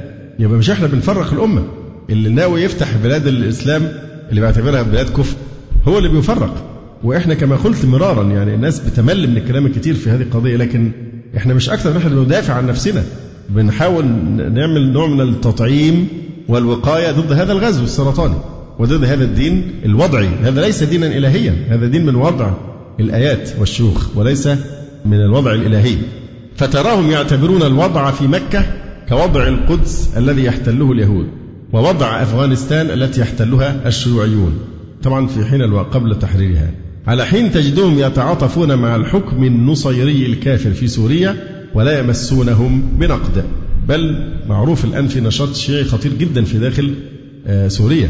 وقد نشرت مجلة الشهيد لسان علماء الشيعة في قم في العدد 46 الصادر بتاريخ 16 شوال سنة 1400 صورة تمثل الكعبة المشرفة وإلى جانبها صور تمثل المسجد الأقصى المبارك وبينهما يد قابضة على بندقية. هل دي فيها حاجة؟ الكعبة والمسجد الأقصى ومرفوعة بندقية ممكن تفسر إزاي؟ على مقتضى حسن الظن أن دي القبلة الأولى ودي القبلة الثانية وسنحرر القبلة الثانية مش كده؟ لا هم ما سابوهاش لم يتركوها غفلا لكن كتبوا تحت الصورة إيه؟ سنحرر القبلتين سنحرر القبلة حتى لا يدع فرصة لمرتاب أنه يشك في أن الموضوع ممكن يكون قصده أن دي القبلة الأولى وسنحرر القبلة الثانية بالبندقية لا كاتبين تحتها سنحرر القبلتين رئيس مجلس علماء باكستان الشيخ محمد عبد القادر آزاد آه، له كتاب اسمه الفتنة الخمينية كتاب رائع في الحقيقة يقول أنه أثناء زيارته آه، إيران بعد قيام الثورة يقول رأى على جدران فندق هيلتون في طهران والذي يقيمون آه، فيه الفندق نفس اللي كان يقيم فيه العلماء الضيوف يعني. شعارات مكتوب عليها سنحرر الكعبة والقدس وفلسطين من أيدي الكفار هي عموما كلمة كفار مش كلمة جديدة. لأنهم قطعا يعتقدون أننا جميعا كفار. في حد يرتاب في هذا؟ هذا إحنا درسناه قبل كده من قبل ومعروف إن اللي ما يعتقدش بالإمام يبقى كافر. فكاتبين شعارات على الفندق اللي المفروض بقى يعني إيه؟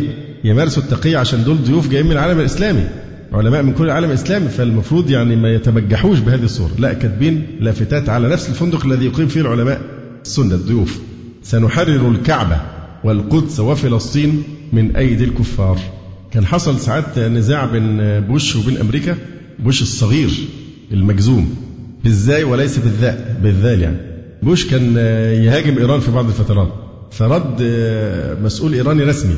قال إن أمريكا تعرف جيدا أنه لولا إيران لما سقطت طالبان أنهم تعاونوا مع الأمريكان في القضاء على حركة طالبان في أفغانستان. يشير هنا إلى مسألة مهمة جدا.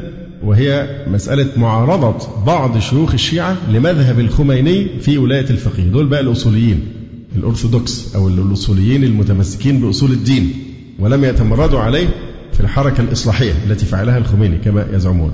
أثار مذهب الخميني في نقله وظائف المهدي بالكامل للفقيه وحصر الولاية به ثائرة جملة من شيوخ الشيعة. ونشب صراع حاد بين الخميني وأحد مراجعهم الكبار عندهم وهو شريعة مدري.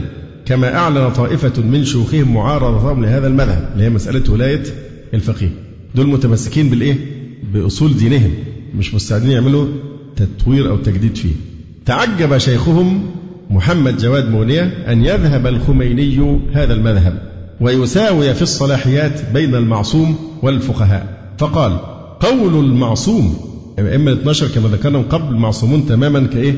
كرسول الله صلى الله عليه وسلم. قول المعصوم وأمره تماما كالتنزيل من الله العزيز العليم. وما ينطق عن الهوى إن هو إلا وحي يوحى. يعني يا كذاب أنت بتقول وما ينطق عن الهوى؟ هي أنت مش بتقول ما ينطق بتقول وما ينطقون عن الهوى.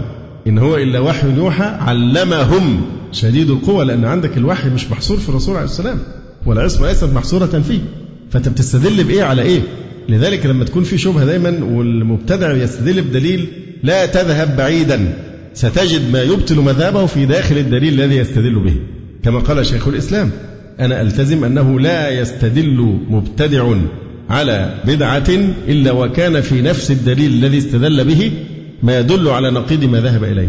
يعني واحد يقول مثلا وأنزلنا عليك كتابة تبيانا لكل شيء. واحد قرآني ويقول إن ده يدل إن إحنا مستغنين عن السنة.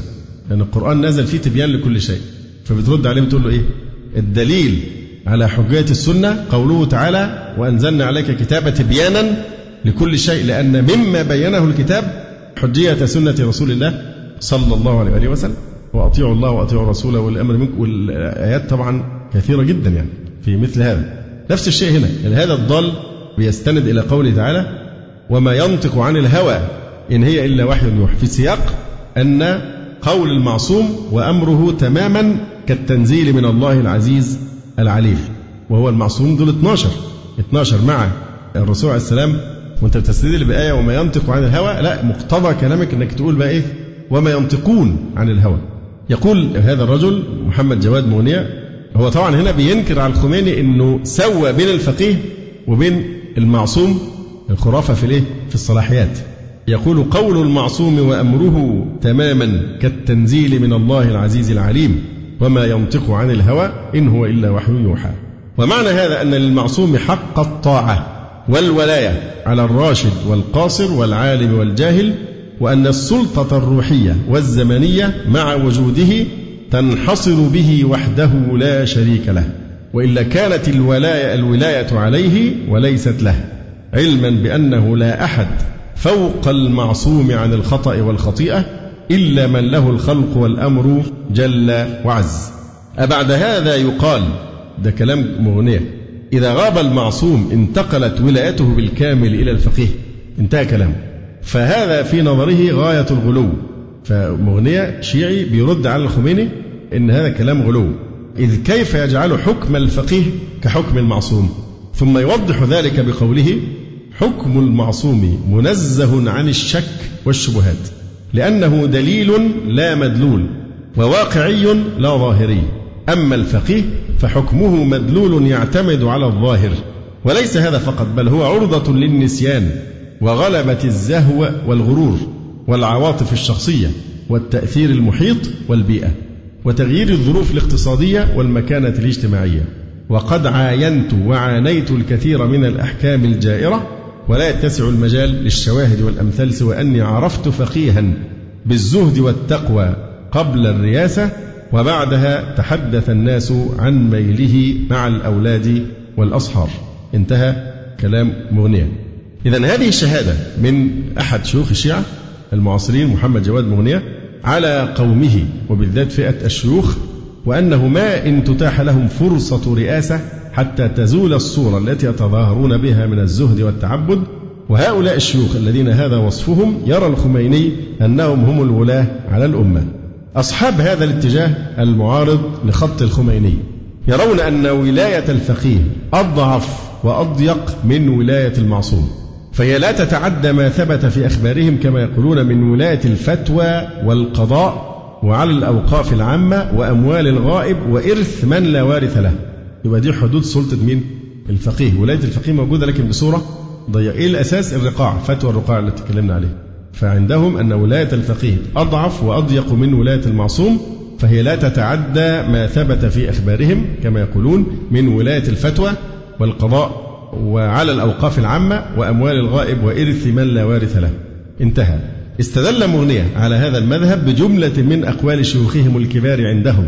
ونقض ما ساقه الخميني من أدلة لإثبات مذهبه وبين أنها لا تدل على ما يريد من القول بعموم الولاية ولا مجال لاستعراض ذلك ولا فائدة منه لكن الفائدة هنا أن الخميني يحكم على مذهب طائفته بمقتضى قولهم بقصور ولاية الفقيه عن الحكم والولاية بأن هذا يعطل أحكام الإسلام وأنه بمثابة القول بنسخ الإسلام كما ذكرنا من قبل لكن الخميني لا ترتقي أدلته في تأييد مذهبه إلى ما يريد فتبقى أحكامه على مذهب طائفته صادقة وأنه مبني على ما يخالف أصول الشرع ومنطق العقل وطبيعة الأشياء فالحقيقة أن فكرة ولاية الفقيه ليست شهادة ميلاد ليست وثيقة ميلاد للدولة الرافضية ولكنها شهادة وفاة لهذا الدين لأنه في تراجع عن إيه؟ أساس من أسس هذا الدين. والاتجاه المخالف للخميني يرجع أمر الولاية أو الولاية إلى عموم الناس ولا يخصها بشيوخ الشيعة. بل يبقي هؤلاء الشيوخ في وضعهم الذي وضعوا فيه وولايتهم الخاصة حتى يخرج الغائب فيتولى أمور الدين والدنيا. وهذا بلغة العصر. فصل الدين عن الدولة. فصار المذهب دائرا بين غلو في الفقيه أو دعوة إلى فصل الدين عن الدولة. وهكذا كل مذهب باطل لابد أن يخرج أمثال هذه التناقضات. وكلا الرأيين استقر على بطلان المذهب في دعوى النص والتعيين لأن كليهما لم يحدد الرئيس بشخص معين إلا التعيين الشكلي للغائب المفقود والذي لن يعود لأنه لا حقيقة له في الوجود. بقي آه، فكرة مختصرة وهي فكرة النظرة وإطلالة على دستور دولة الآيات. يقول أعلنت الجمهورية الإسلامية في إيران دستورها. في كتاب أصدرته وزارة الإرشاد الإسلامي ونشر في طبعته الأولى سنة 1406 وكانت مواد هذا الدستور قد نشرت من قبل في مجلة الشهيد الإيرانية في إصدار خاص. هذا عرض لبعض مواد الدستور ليتبين هل هو يمثل الدستور لدولة إسلامية كما يزعمون أو لا. يقر الدستور في الأصل الثاني عشر أن المذهب الجعفري دين الدولة الدين الرسمي لإيران هو الإسلام والمذهب الجعفري الاثنى عشري وهذا الأصل يبقى إلى الأبد غير قابل للتغيير. كذلك ينص الدستور على فكرة الاثني عشرية في الإمامة بحيث يربط مذهب خميني في ولاية الفقيه بقضية الإمامة فيقول إن ولاية الفقيه اعتمادا على استمرار ولاية الأمر والإمامة. يعني أن ولاية الفقيه معتمدة ومستندة إلى إيه؟ استمرار ولاية الأمر والإمامة لأنه يعتبر نائبا عن الإمام. فتراهم يعلنونها طائفية متعصبة في دستورهم وهم يسمون أنفسهم بالجمهورية الإسلامية. يبقى يكونوا صرحاء ومفيش داعي تواري تحت كلمة الإسلام. زي ما أنتم قايلين في الدستور إنها الدين الرسمي للإيران هو الإسلام والمذهب الجعفري الاثني عشري يبقى قولوا الجمهورية الإسلامية الإيه؟ الجمهورية الشيعية أو الجمهورية الاثني عشرية أو الإمامية. ما تقولوش الجمهورية الإسلامية عشان تصطادوا الناس المساكين والدعاء الجهلة آه، لكي يهللوا لهذه الجمهورية. لكن لما دي توضع في الدستور وهذا هو الدين ونحن قد درسناه يعني إحنا مش بنتكلم من فراغ فهذه لا شك إنها دولة عنصرية مقيطة بغيضة شعوبية يقول تراهم يعلنونها طائفية متعصبة في دستورهم وهم يسمون أنفسهم بالجمهورية الإسلامية. ولعل قولهم هذا يوحي بأن مذهبهم لا يدخل في اسم الإسلام. يعني لو أنت صحيح بتتمسك بالإسلام يبقى قول الرسم للدولة هو الإيه؟ يبقى كفاية تقول الإسلام. على الأقل حتى تكسب مزيدا من التعاطف من المغفلين من أهل السنة. هتدي نوع من التعاطف. لكن مع هذه التبجح بالعنصرية المجوسية والفارسية. مع هذا التبجح بهذا المذهب الطائفي لسه برضه في ناس عندهم عشق لإيران وحب شديد لهؤلاء الروافض حتى من دعاة ينتسبون إلى أهل السنة والجماعة للأسف الشديد. إلى اليوم عنزة ولو طارت. فإحنا قلنا مرارا هذا حب من طرف واحد. الشيعة يكفرونكم جميعا ويعتبرونكم أنجس من اليهود والنصارى وأن نجاستكم حسية كالبول وكذا وكذا. فخلي بقى حب إيران ينفعهم. يقول ولعل قولهم هذا يوحي أن مذهبهم لا يدخل في اسم الإسلام بل لا بد من النص عليه مع الإسلام كدين آخر مشارك له مع أنك تراهم كثيرا ما يدعون بأن مذهبهم لا يختلف عن مذاهب الإسلامية إلا في الفروع وإذا كان الأمر في تصورهم كذلك فلماذا ينص على المذهب الجعفري بذاته في دستورهم؟ حقيقة هذا الكلام أولى مش أن يقال للرافضة لأن الرافضة دي تقية. لكن مغفلوا أهل السنة اللي بيقولوا ما فيش خلافات دي خلاف بيننا وبينهم زي خلاف بين إيه؟ الشافعي والحنبلي والمالكي. لا الخلاف دي في قضايا الفرعية القضايا العملية. لكن جميعهم ينتظمهم مظلة إيه؟ أهل السنة والجماعة. وذلك من المغالطة الشديدة إن بعض الناس لما تتكلم في الإعلام يقول لك ما أنتوا كمان أربع مذاهب أنتوا حنبلي ومالكي وشافعي وحنفي. فإحنا مذهب المذاهب فطبعا دي مغالطة في غاية ده دين مش مذهب. فأهل السنة مختلفون في في القضايا الفقهية لأن الاختلاف في الفروع لا يضر لكنهم متفقون على عقيدة أهل السنة والجماعة. وأهل السنة والجماعة مش طائفة ما ينفعش حد يتكلم على أهل السنة أنهم طائفة وأن الناس اللي بتتكلم على اتباع السنة دول ناس طائفيين يدعون للطائفية. كما قلت مرارا أهل السنة هم أصل الإسلام وأهل السنة والجماعة كما يقول شيخ الإسلام تيمية هم نقاوة الإسلام نقاوة أهل الإسلام. فهم يعني أكثر ناس فهما والتزاما وعملا بالكتاب والسنة كما كان في صدر الإسلام. فالطوائف نشأت بعد ذلك فما ينفعش تسوون بهم. زي ما قلت قبل كده في كتاب واحد مألف مسميه إيه؟ لا سنة ولا شيعة. لا يوجد معنى لهذا العنوان غير إيه؟ لا إسلام ولا شيعة. لأن سنة مش طائفة. سنة هي الإسلام نفسه لكن في أنقى صوره يعني الدائرة الكبيرة التي تشمل أهل الإسلام داخلها 73 فرقة. كما جاء في الحديث كلها في النار إلا واحدة وهي ما كان على مثل ما أنا عليه وأصحابي رضي الله عنهم طب ناس بيلعنوا أصحابهم ويكفروهم يبقى ديكم فرقة ناجية أم فرقة نارية؟ فلازم نفهم كويس إن وصف السنة مش وصف طائفي ولا حزبي. ده الإسلام لكن في أنقى صوره خاليا من البدع والضلالات والانحرافات وكذا وكذا. فلازم نفهم الجزئية دي. لأن لما واحد يقول لنا لا سنة ولا شيعة كلنا مسلمون معناها إن الإسلام يتعارض مع أن نقول أهل السنة. فيش تعارض لقا ده تخصيص بعد تعميم. كما تقول أنا مصري سكندري. في تعارض بإنك تبقى اسكندراني ومصري؟ فيش تعارض. ده تخصيص بعد تعميم. نفس الشيء بالنسبة لأهل السنة مع كلمة الإسلام مش معناها هذا المعنى الذي ذكرناه. فلا سنة ولا شيعة يعني إيه؟ بالضبط تساوي لا إسلام ولا شيعة. فلا يقبل التنازل لا تنخدع مثل هذه الشعارات. بل سنة وسنة وسنة ولا نجاة إلا في هذه السنة. فلو هم الرافضة نفسهم بيقولوا بيدعوا إلى الوحدة الإسلامية طيب ليه بتحطين في الدستور لو كان الإسلام يكفي ليجمعنا لماذا تنصون في الدستور على أن الدولة قائمة على الإسلام ومذهب الجعفرية الاثنى عشرية واضح؟ نحن نوجه هذا الكلام أيضا لمين؟ للسذج من الدعاة من أهل السنة الذين ما زالوا منخدعين بالرافضة إذا كان هم وضعوا في الدستور التشبث بالمذهب الرافضي يبقى منين هتحصل التقريب والوحدة بقى فدي خلاص الموضوع منكشف تماما. يقول ثم لماذا تكون هذه المادة غير قابلة للتغيير إلى الأبد؟ أطلعوا الغيب أم اتخذوا عند الرحمن عهدا؟ هو الحقيقة في نظر في الكلمة التعبير هنا هم هم لا يجزمون أنها ستبقى إلى الأبد. هذه غير قابلة للتغيير إلى الأبد ده في اعتقادهم هم. أما المستقبل فلا يعلم إلا الله وإن شاء الله ستؤول إلى الضياع والدمار إن شاء الله. لكن التعبير هم ما قالوش إحنا نطلع الغيب وبنجزم يعني لازم يكون في دقة شوية في في العبارة. ثم لماذا تكون هذه المادة غير قابلة للتغيير إلى الأبد؟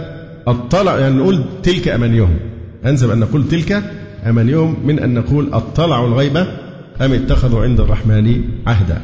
ولماذا لا يفتحون عقولهم وقلوبهم لرؤية الحق الذي عند أهل السنة؟ ويتخلصون من داء التعصب المقيت فيجب أن تسمى هذه الدولة بموجب هذه المادة الجمهورية الجعفرية. ذلك أن الدولة الإسلامية تقوم على أساس الإسلام لا المذهب. فلو كان مذهب الجعفري زي الشافعي أو المالكي أو الحنفي أو الحنبلي يبقى ما ينفعش تقول إن مصر دولة إسلامية مثلا شافعية. إذا كان ده قضية إيه؟ إن الخلاف بيننا خلاف في الفروع. فالخلاف بين المذاهب الأربعة ده خلاف في قضايا الفروع. وفي العقيدة هم شيء واحد. فمع كلمة الإسلام لو إحنا فعلا مختلفين بس في الفروع يبقى هنقول الإسلام دولة إسلامية ما نحطش معاها مذهب. لكن لأن الخلاف في العقيدة ليس خلاف بيننا وبين الرافضة كالخلاف بين المذاهب الأربعة. لأن المذاهب الأربعة خلافهم في الفروع. أما في العقيدة فتحفهم مظلة واحدة هي عقيدة أهل السنة والجماعة. فلذلك نفس العنوان الدولة الرافضية أو دستورهم يدل على أنها دولة طائفية لأنهم يدعون خلاف فرعي ومع ذلك ينصون عليه في الدستور. فيجب أن تسمى هذه الدولة بموجب هذه المادة الجمهورية الجعفرية. ذلك أن الدولة الإسلامية تقوم على أساس الإسلام لا المذهب وحين يتبنى الخليفة شيئا من هذا المذهب أو ذاك فإنما تبناه بناء على قوة الدليل وليس بناء على الوراثة أو التعصب. ولكنهم برهنوا بهذه المادة على متابعتهم لما قاله بعض شيوخهم وهو أن الاثني عشرية دين لا مذهب. هذا واحد من أئمة الرافضة قال هذا الكلام. إن الاثني عشرية دين لا مذهب. ويمكن يعني يا ريت عشان في, في ضوء هذا كان يسمي كتاب أصول دين الشيعة. وقد سبق إلى هذا العلامة الكبير الشيخ محب الدين الخطيب في كتابه إيه؟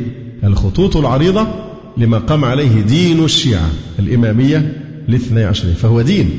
وليس مذهبا. فعلا صدق في هذا هذا الرافضي أيضا.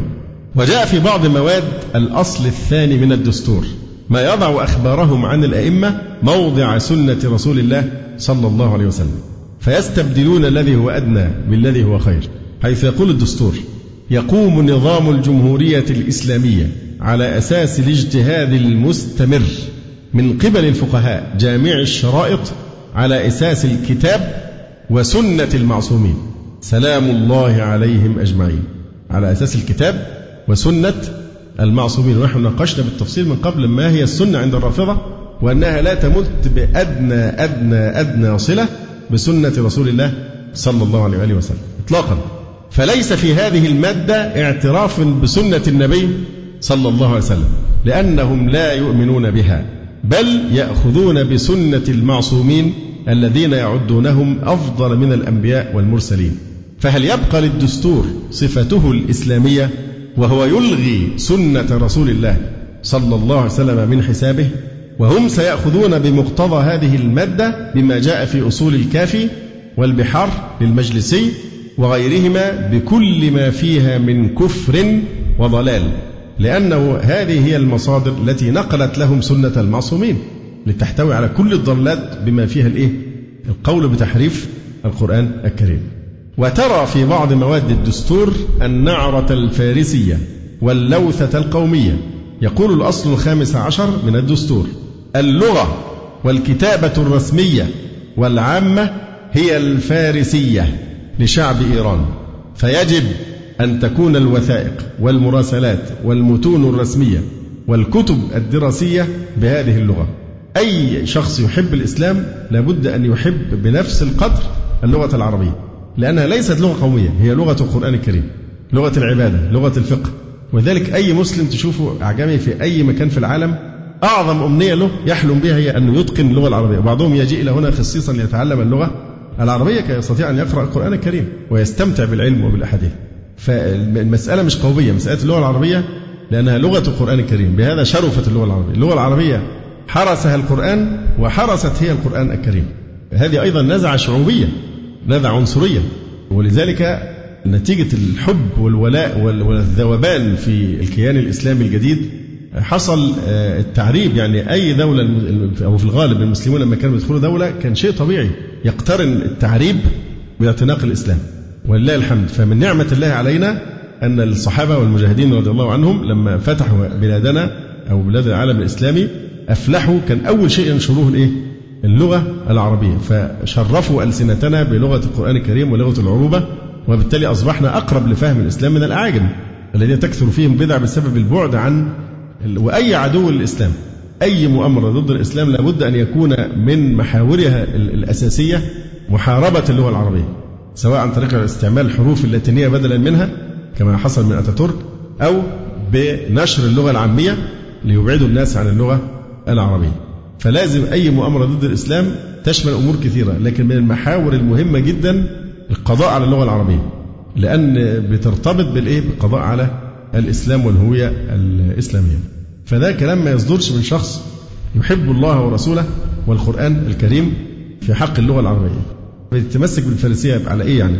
لنفرض بحكم أمر الواقع لكن لابد يكون في نوع من الاعتزاز بالإيه؟ سيبوا أمر الواقع لكن ما تكلمش على اللغة الفارسية بهذه الطريقة وكأنها يعني لغة إلهية. شوف الكلام هنا لوثة قومية طبعا ونعرة فارسية. كان آه، نجادي ده وأحمدي نجاد والمنافس بتاعه أثناء المشكلة اللي حصلت في الانتخابات كانوا بيعملوا مناظرات تلفزيونية.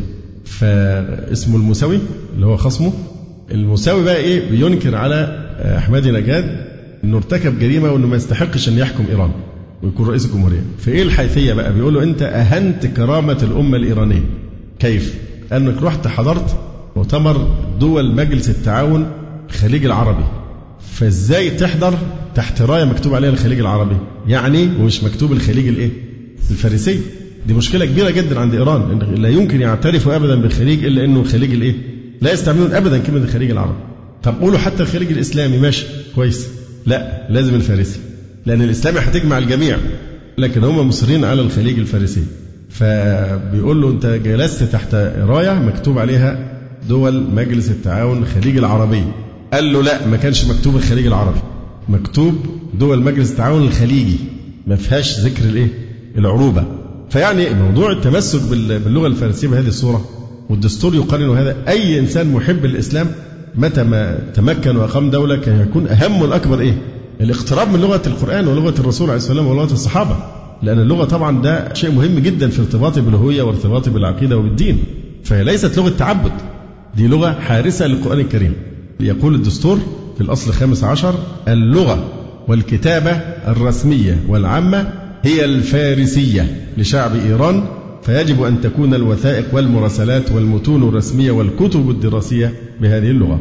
فترى أن هذه المادة موضوعة على أساس القومية الإيرانية لأن للإسلام لغة واحدة هي العربية لا باعتبارها لغة العرب. بل باعتبارها لغة القرآن والسنة ولغة دولة الرسول صلى الله عليه وسلم والصحابة والتابعين. فكان التعريب بينتشر انتشار الضوء في الفجر كده في داخل البلاد الإسلامية لازم في ارتباط بين العروبة وبين الإسلام. لازم التعريب يكون مواكبا للإيه؟ للإسلام. ودي نعمة عظمى جدا. يعني ده إن شاء الله سنتكلم نرجو في وقت من الأوقات موضوع اللغة العربية ده في غاية الأهمية. فأي محب للإسلام لابد أن يضع في أولوياته نشر اللغة العربية. ليه معدلات النصارى كثيرة في بلاد المسلمين؟ لأنهم يفهمون القرآن إذا سمعوه. في التواصل هيكون سهل. لماذا العالم الإسلامي متحد وجدانيا في كثير من القضايا لما بتحصل مشكلة؟ كل الناس بتتجاوب الشعوب في كل مكان. ليه؟ لأن متابعة الإعلام يعني الإعلام إحنا بنسمع نشرات الأخبار بإيه؟ في كل البلاد الإسلامية العربية يعني باللغة الفصحى. فبالتالي وبلغة سهلة وكل الناس يستوعبون الأخبار وبالتالي يبنون مواقف على هذا التواصل. طيب اشمعنى بقى لما أقمنا الدنيا من أجل الرسوم بتاعت الدنمارك ومن أجل آه، الأخت آه، مروة الشربيني رحمه الله اللي قتلت في ألمانيا ومظاهرات وكذا وكذا. طيب ماذا بقى عن تفاعلنا مع قضية الإيجور الصينيين؟ مسلم الصين الموضوع التبلد تبلد الحس عند المسلمين أدى إلى أن الإعلام الغربي استغرب جدا. المسلمين تحصل حادثة في حارة من حواري أوروبا وأمريكا المظاهرات والمقاطعات وكذا وكذا. والمذابح التي تحصل لإخوانهم في الصين لا حس ولا خبر. أحد الأسباب هي صعوبة التواصل من خلال اللغة مع أهل الصين. ده أحد العوامل طبعا. فصعوبة التواصل هنفهم إزاي لغة الصين مثلا أو أو, أو إيه التواصل اللي بيتم بيننا وبينهم. فعملية الوجود وحدة اللغة بتقرب المسافات جدا. أي شاب في أي بلد عربية بيسمع درس باللغة العربية بيفهمه. يستطيع أن يدرس منهجا متكاملا من خلال الدروس وكذا بسبب اللغة فإحنا في نعمة لأننا مغمورون بها لا نستحضر أنها نعمة وبالتالي لا نقوم بحق شكرها. والمحافظة عليها بل نتفاخر بأن أبناءنا يتكلمون بهذه اللغات الأعجمية منذ الصغر الباكر يعني على حساب اللغة يعني العربية. يقول ويقرر الأصل السادس من الدستور بأن مرجعهم رأي الأمة. مرجع الجماعة دول في إيران هو رأي الأمة يعني مش الكتاب والسنة. يقول يجب أن تدار شؤون البلاد في جمهورية إيران الإسلامية على رأي الأمة. ولا شك أن دولة الخلافة في الإسلام تدار شؤونها بهدي الكتاب والسنة. وليس الرأي العام هو أساس الحكم في الإسلام إنما القضايا الاقتصادية والسياسية والاجتماعية والثقافية الهامة ويجري هذا الاستفتاء العام بناء على طلب أكثر من ثلثي مجموع أعضاء المجلس. ولا غرابة أن يلجأوا إلى استفتاء الناس في شؤونهم بعد أن حرموا أنفسهم من المصدر الثاني في التشريع وهو السنة المطهرة. وقد اقترح عليهم شيخهم يوسف البحراني صاحب الحدائق أن يبحثوا لهم عن مذهب غير هذا المذهب لعدم وفائه بما يريدون.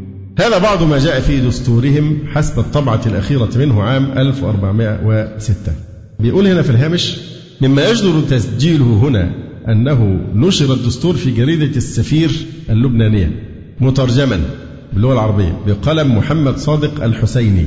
ترجمة مغايرة للنشر الرسمي الأخير للدستور في إيران اللي هو بالفارسي. فغيروا في الترجمة. الدستور ينفع حد يغيره؟ يقول نشر الدستور آه، في جريدة السفير اللبناني مترجما بصورة مغايرة للنشر الرسمي الأخير للدستور والتغيير الذي جرى قد يكون للتقية أثر فيه من أجل صيانة سمعة المذهب من النقد. وقد قام حزب التحرير وهو كما يظهر من الأحزاب المتعاطفة مع ثورة إيران والموالية لها. بل الذي يرى فيها الحكم الإسلامي المنشود. قام حزب التحرير وهو من موالين لإيران. قام بدراسة مواد الدستور كما نشرته جريدة السفير بعد أن سأل السفارة الإيرانية في بيروت عن مدى اعتمادهم لنا نشر. فالسفارة ردت عليه على حزب التحرير بأن الترجمة المنشورة في السفير ترجمة دقيقة وأمينة مع أنها مخالفة للنص الفارسي الأصلي. لكن السفير رد تقية بقى رد قال ترجمة دقيقة وأمينة. وقد تبين له بعد الدراسة كما نشر ذلك في كتيب صغير أن الدستور ده واحد من حزب التحرير من منظري حزب التحرير بعد ما درس الترجمة. وكمان ترجمة إيه؟ مهذبة. التقية مؤثرة فيها. ومع ذلك حكم على الدستور بإيه بقى؟ وهو من الحزب كما تعلمون موقفه من إيران. قال إيه؟ أن الدستور لا صلة له بالإسلام إلا بالاسم. حتى أنه ذكر أنه جاء في الفصل الثامن المتعلق بالسلطة القضائية. في المواد رقم 131 و132 و135 و136 ما يدل على أن القانون المدني الوضعي هو الذي سيوضع في المحاكم. وانتهى الحزب من نظره في الدستور إلى أنه ليس دستورا إسلاميا ولم يأخذ أحكامه من كتاب الله وسنة رسوله صلى الله عليه وسلم. ويتبين أن واضعه يتميز بعقلية غربية ولا يتمتع بعقلية إسلامية. وقال إذا وضع هذا الدستور موضع التنفيذ فإنه لا يجعل الدولة دولة إسلامية. وقال بأنه يجب أن يكون الدستور منبثقا من العقيدة الإسلامية ومأخوذة كل مواده من كتاب الله وسنة رسوله صلى الله عليه وسلم. هذا حكم حزب التحرير مع أنه موال للحكومة الإيرانية. وفي اتجاهه شبه بالاتجاه الرافضي لأنه يرجئ تطبيق بعض أحكام الإسلام حتى تقوم دولة الخلافة. كما يرجئ الشيعة تطبيق بعض أحكام مذهبهم حتى يعود الغائب. ومع ذلك فإنه يحكم على دستورهم بهذا الحكم. ولولا ضيق المجال لعرضت أوجه نقدهم للدستور. وقد أرسل هذا النقد إلى الخميني مشفوعا بدستور إسلامي مقترح. ويبدو أن الشيعة استفادوا من ذلك في تغيير بعض المواد التي تثير النقد لدستورهم كما يتبين ذلك في نشرته الأخيرة. ومع ذلك لم يسلم من ضلال كما تبين أثناء النقد. خلاصة الكلام في هذه النظرة في خلال دستور الحكومة غير الإسلامية في إيران يتبين أنه لا يمثل دستور دولة إسلامية وإنما يمثل دولة فارسية عنصرية ورافضية جعفرية ولا يأخذ أحكامه من الكتاب والسنة وإنما يرتبط بروايات الكليني وأضرابه التي يسمونها كذبا وإفكا وزورا سنة المعصومين. نكتفي بهذا القدر. جزى الله فضيلة الشيخ خير الجزاء ونسأل الله جل وعلا أن يرفع مكانة الشيخ في المهديين وأن يجعله علما من أعلام الهدى والدين. ولا تنسونا وتنسوا الشيخ من دعوة صادقة بظهر الغيب. وتقبلوا تحيات إخوانكم في تسجيلات السلف الصالح بالإسكندرية. هاتف رقم صفر ثلاثة فاصل أربعة تسعة أربعة سبعة ستة خمسة اثنان.